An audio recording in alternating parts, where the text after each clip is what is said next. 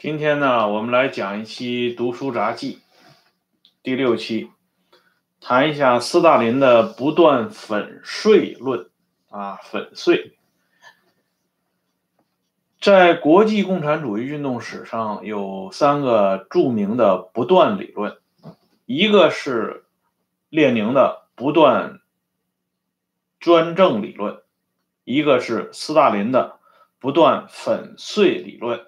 一个是毛泽东的不断革命理论，而这三个不断的专政、粉碎以及革命，说到底呢，就是不断的整人。而这三大理论的核心支柱，其实都是源泉于马克思的《共产党宣言》，因此呢。在我们讲这个不断粉碎理论之前，有必要重温一下这个伟大的作品《共产党宣言》。在这个《共产党宣言》里边，开宗明义讲的就是斗争哲学。这个斗争呢，马克思强调，每一次斗争的结局是整个社会。受到革命改造或者斗争的各阶级同归于尽，这个话呢说的是很到位的。用咱们中国人自己的话总结，就是同归于尽啊，玉石俱焚呐，全玩完。但是呢，马克思在解释这个。每一次斗争的之前呢，他有过一句话，他曾经呢对这个参与斗争的对象，借助古希腊的啊古罗马的社会状况，说了这么一句话，他说呢。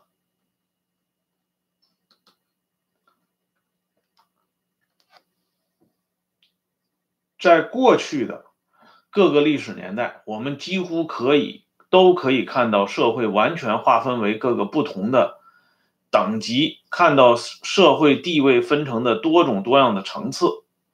由此呢，他讲到，在这个古罗马社会，斗争呢经常产生于这种自由民、贵族上层之间的这种斗争，而作为奴隶呢。他们往往是这个斗争过程当中的盲从者。他这个原话解释就是大致是这么一个意思，也就是说，我们可以看到，这个斗争开展以后呢，绝大多数的这些草民啊，他称之为在古罗马社会中中的地位为奴隶的这些人，实际上完全就相当于工具。他们真正参与斗争的资格都没有混到，而什么是斗争呢？共产党宣言里边讲，是要消灭资产者的个性、独立性和自由。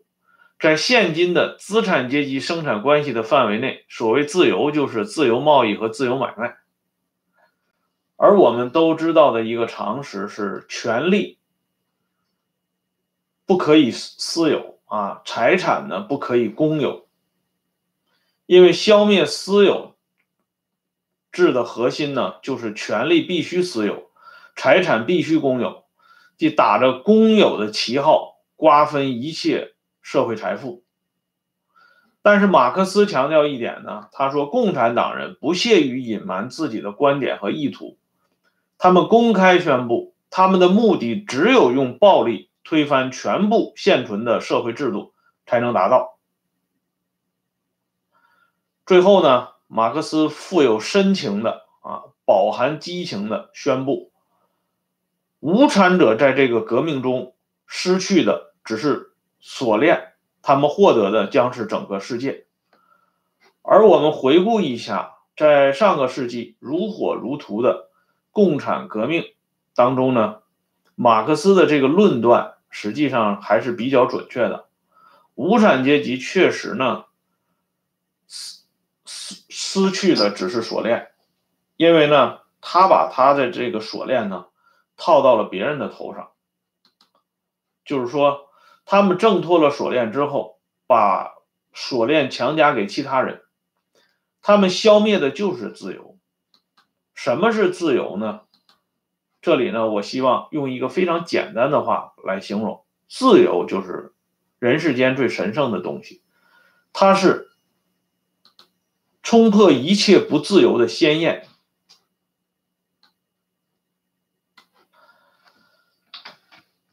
在解读了马克思共产党宣言当中关于斗争的这番话以后，我们就可以看出来，马克思这个学说呢，他最喜欢鼓吹的就是暴力。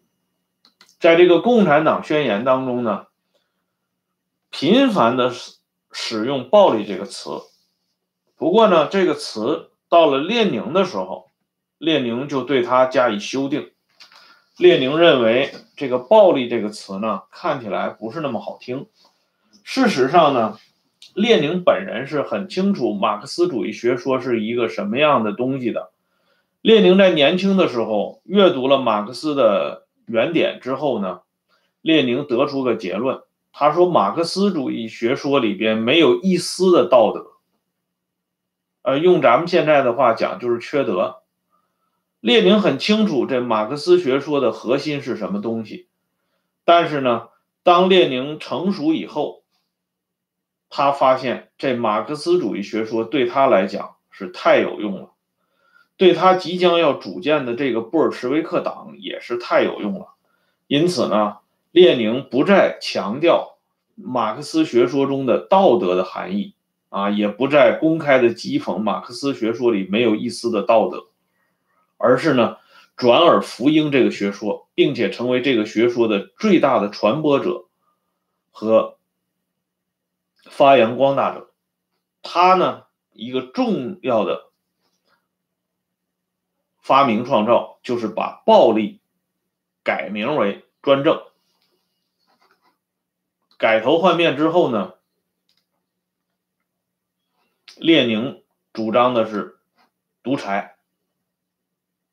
列宁说的很清楚啊，毛泽东曾经经常引用列宁这句话，就是“与其你独裁，不如我独裁”。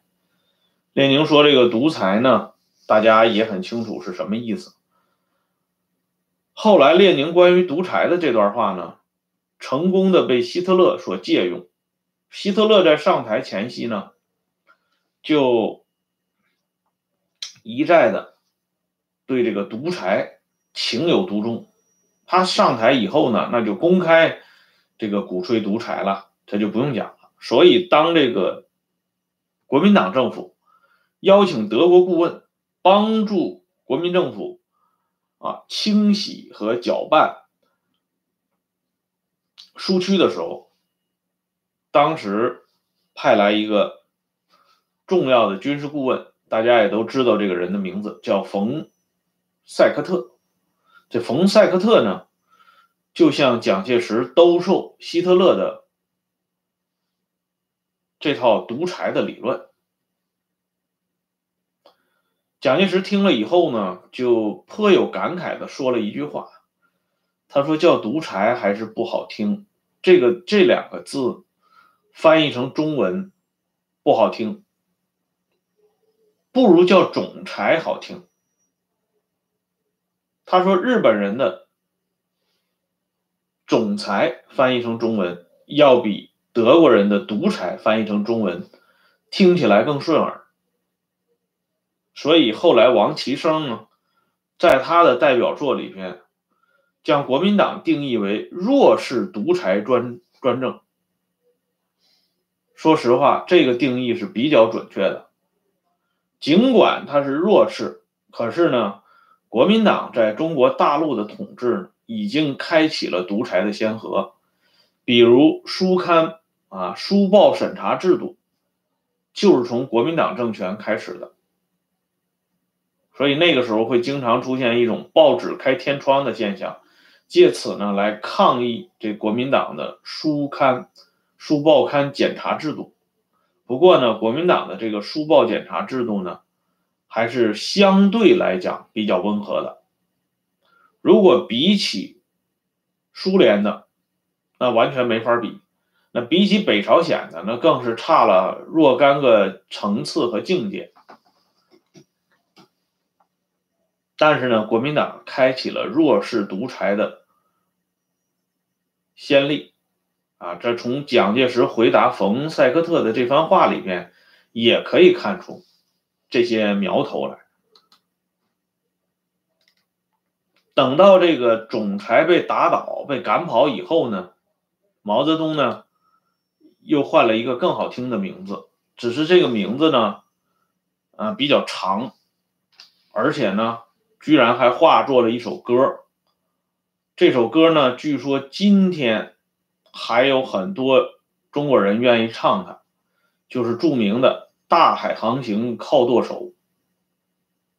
既不谈独裁了，也不谈总裁了，而是谈到了舵手，就是我们这个船在大海中行进，是需要有这么一个丰富经验、卓有才智。高瞻远瞩、炉火纯青的舵手的，所以这个舵手的一切就是我们的一切，所以剩下的一切也就不用再考虑了。由暴力催生了领袖，催生了舵手。那么领袖和舵手来到了这个世界上以后，他都做些什么事儿呢？实际上，我们总结了一下。无产阶级革命领袖和伟大的舵手来到这个世间以后，他一般只做一件事情。当然，这件事情呢，也真是艰苦卓绝呀。他做的这件事情是什么呢？就是干掉所有人。刚才有朋友问说，这这个电子书。电子书呢是这样，电子书就是把以前我写过的一些文章啊合订成集，这是一段时间以来很多网友提出来的这么一个要求啊，或者说叫请求，他们希望呢看到一个完整的，就是说从二零一二年到今天二零一九年，长达七年的。我的这些文章的合集，为什么是这七年而不是之前呢？这个里头呢，就像我上次提到的，我以前出版的那些书呢，说实话，都是沿着体制内的，遵循着这套啊规则呢开始写，很少有这个跳出框架来的。所以那些书呢，出版虽然是出版了，可是这个我认为意义啊不是很大。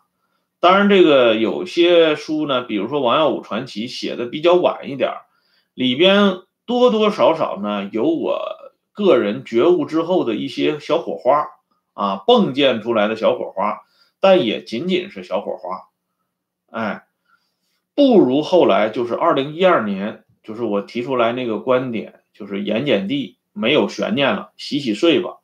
提出这个观点之后呢？啊，陆陆续续围绕着这个思想形成的一些长篇文章、短篇文章更有价值一些啊。当然，这是我个人的认为。所以呢，就希望把这个一二年到一九年这七年当中写的一些文章结结成集子啊，通过这种 PDF 电子版在网上呢给大家展示一下。这也是一段时间以来很多朋友的共同的要求。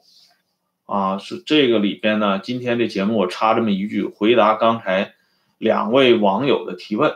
那么现在呢，我们再回归主题，就是谈到这领袖要干的一件非常大的事儿啊，就是干掉所有的人。这所有的人实际上也包括他自己，因为当领袖把他的敌人、朋友以及身边人都搞掉之后。他最终也就等于把他自己也搞掉了。比如说斯大林的死就是一个最典型的例子。斯大林突发脑溢血，倒倒在地上以后，先期赶来的贝利亚也好，赫鲁晓夫也好，以及后边赶赶来的马林科夫也罢，他们完全有机会把这位领袖紧急就医。可是呢，这些人非但没有采取抢救的措施，反而在最能够解决问题的最宝贵的三个小时当时当中呢，他们却浪掷光阴啊，把这个时间呢付诸于他们私下的探讨。哎，就像以前施圣杰曾经讲过的一个相声，在马路上捡到了五毛钱，啊，捡到钱的人在思考。我是交给三十五岁以下的阿姨呢，还是交给三十五岁以上的阿姨？啊，因此呢犹豫不决。这当然是一个相声，可是这个相声呢却是活脱脱的出现在斯大林病发的现场当中。后来，斯大林的女儿斯维特兰娜呢，她在那个著名的二十封信当中呢，也提到了这个过程。这些人实际上是见死不救。于是呢，斯大林就彻底的走了。这是一个很有意思的例子，啊，这个领袖干掉所有人，包括他自己，而像领袖干掉的这些人，比如说布哈林、托洛茨基，他们确实很冤枉，他们不应该承担领袖强加给他们的那些罪名，可是呢？他们并非是完全无辜的，他冤枉归冤枉，但他不是无辜的，这是两个不同的话题。就像现在有很多人在给林彪及其麾下的四大金刚翻案一样，他们经常谈到的就是这四大金刚呢，呃，他们很冤枉啊，他们其实没有想反党、反社会主义、反毛泽东，可是呢，最后他们却受到了审判，受到了羁押，受到了流放。这个话题呢，如果展开来讲，确实是这样，他们确实没有这方面的呃行动。私下里这种讨论那个东西，咱没法计较，对吧？但是呢，四大金刚包括林林家父子，他不是无辜的，他们同样在这场啊世纪大血案当中扮演了刽子手的角色，只不过是不同的层面而已，只不过是他们不够幸运。被活生生的揪了出来，呃，进而呢，把很多并不完全属于他们的责任呢，也扔在了他们的头上。可是我们不能因此而否定他们就是无辜的啊，不能否定他们就是呃，在这个血案当中所扮演的这种真真实的角色，这是两个不同的性质。布哈林、托洛茨基，他们都在不同的历史时期里拼命的鼓吹过暴力。当然，他们并不知道这个暴力对于人们来说，具体的讲意味着什么。在小说《新星》里边，曾经有过一个情节：久别重逢的两位同学和恋人见面了，就是这个新来的县委书记李向南和他。昔日的女朋友林红见面了，然后两个人关于这世界观和价值观呢发生了一些争执和冲突。然后呢，这林红就讲到了一个词“蹂躏”。李向南呢，就是说在那个非常时代，我们每个人实际上都受到过这个时代的蹂躏。而林红这个时候呢，就非常生气啊！林红说了一句狠话。他说：“那是广义的蹂躏，你知道狭义的蹂躏对于一个女孩子意味着什么吗？”哎，这个话我认为这个对白这句话是非常精精彩的，就是说布哈林他们鼓吹只有用暴力啊才能让劳动者勤奋起来，托洛茨基认为只有用暴力才会把反对派压服在地。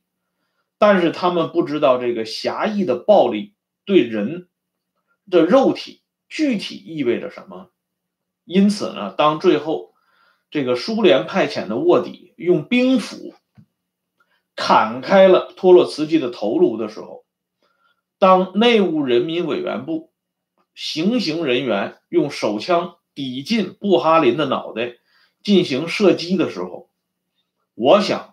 他们应该清楚这暴力到底意味着什么。而他们这种悲催的结局呢，某种意义上讲，也可以用中国人常说的那句老话来形容，就是“求人得人，得其所哉”。这个结论非常残酷，也是他们本人万万不愿意看到的。可是呢，用马克思主义的学说来解读，这是必然性。而干掉所有的人，就意味着必须把斗争进行到底，无休止的进行下去。在这个关键的时刻呢，斯大林就提出了他著名的不断粉碎理论。我给大家读一下斯大林不断粉碎的理论的整体来源和逻辑性。斯大林呢认为。这个整个的斯大林的谈话呢，是来源于苏共中央马列主义研究院中央党务档案馆的第十七号全全中。这个档案现在已经解密了啊，不是什么稀罕物了。所以呢，咱们就念一下斯大林的原话。他认为，我们的进展愈大，胜利愈多，被击溃了的剥削阶级的残余也愈加凶恶。他们要采用更尖锐的斗争形式。他们愈要危害苏维埃社会，他们愈要抓住最绝望的斗争手段来做最后的挣扎。它的前提是建立在这个基础上，就是我们成绩越大，捣乱分子越多。那么我们只有把这些捣乱分子干掉，我们的成绩才能越来越大。哎，这是他不断粉碎理论的前提啊。接着呢，他就说，他说对敌人。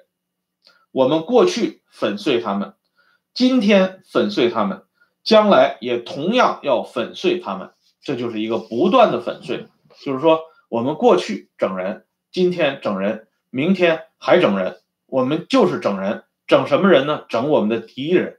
谁是我们的敌人？斯大林说了算。这样呢，我们再结合文化大革命当中那个不断革命理论。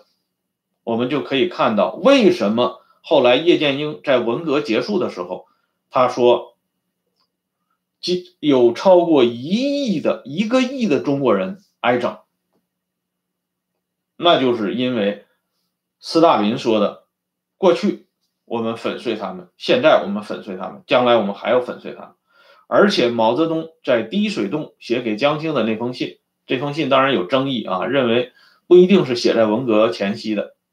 不管是写在文革前夕，还是写在九幺三事件之后，这封信一定是写在文革当中的。而且这封信所昭示的不仅仅是毛与林之间的关系，更主要的是中国的社会主义革命的路径问题。毛提出一个重要的论断，就是七八年来一次，而后多次少出。就说这种不断革命的理论。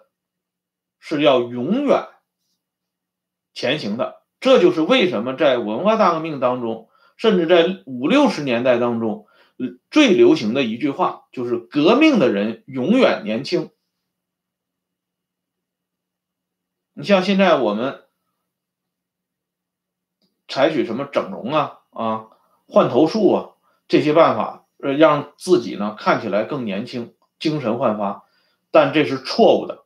要真正让自己啊精神焕发、永驻青春的话，那就是要革命，不断的革命，过去革命，现在革命，将来还要革命，不停的革命，不停的折腾，不停的粉碎，这样呢，大家永远年轻。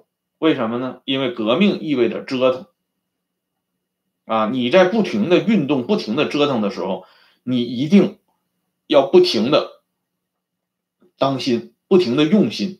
不停的操心，那你能不年轻吗？就像咱们刚才这个朋友说的，与天斗、与地斗、与人斗，那都是其乐无穷。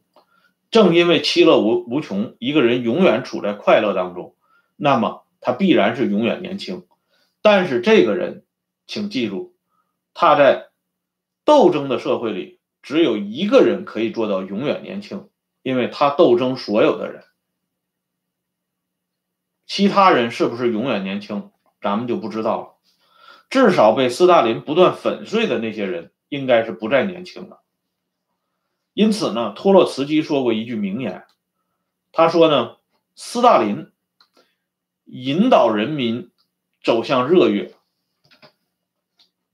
这个话呢，说的是很有名。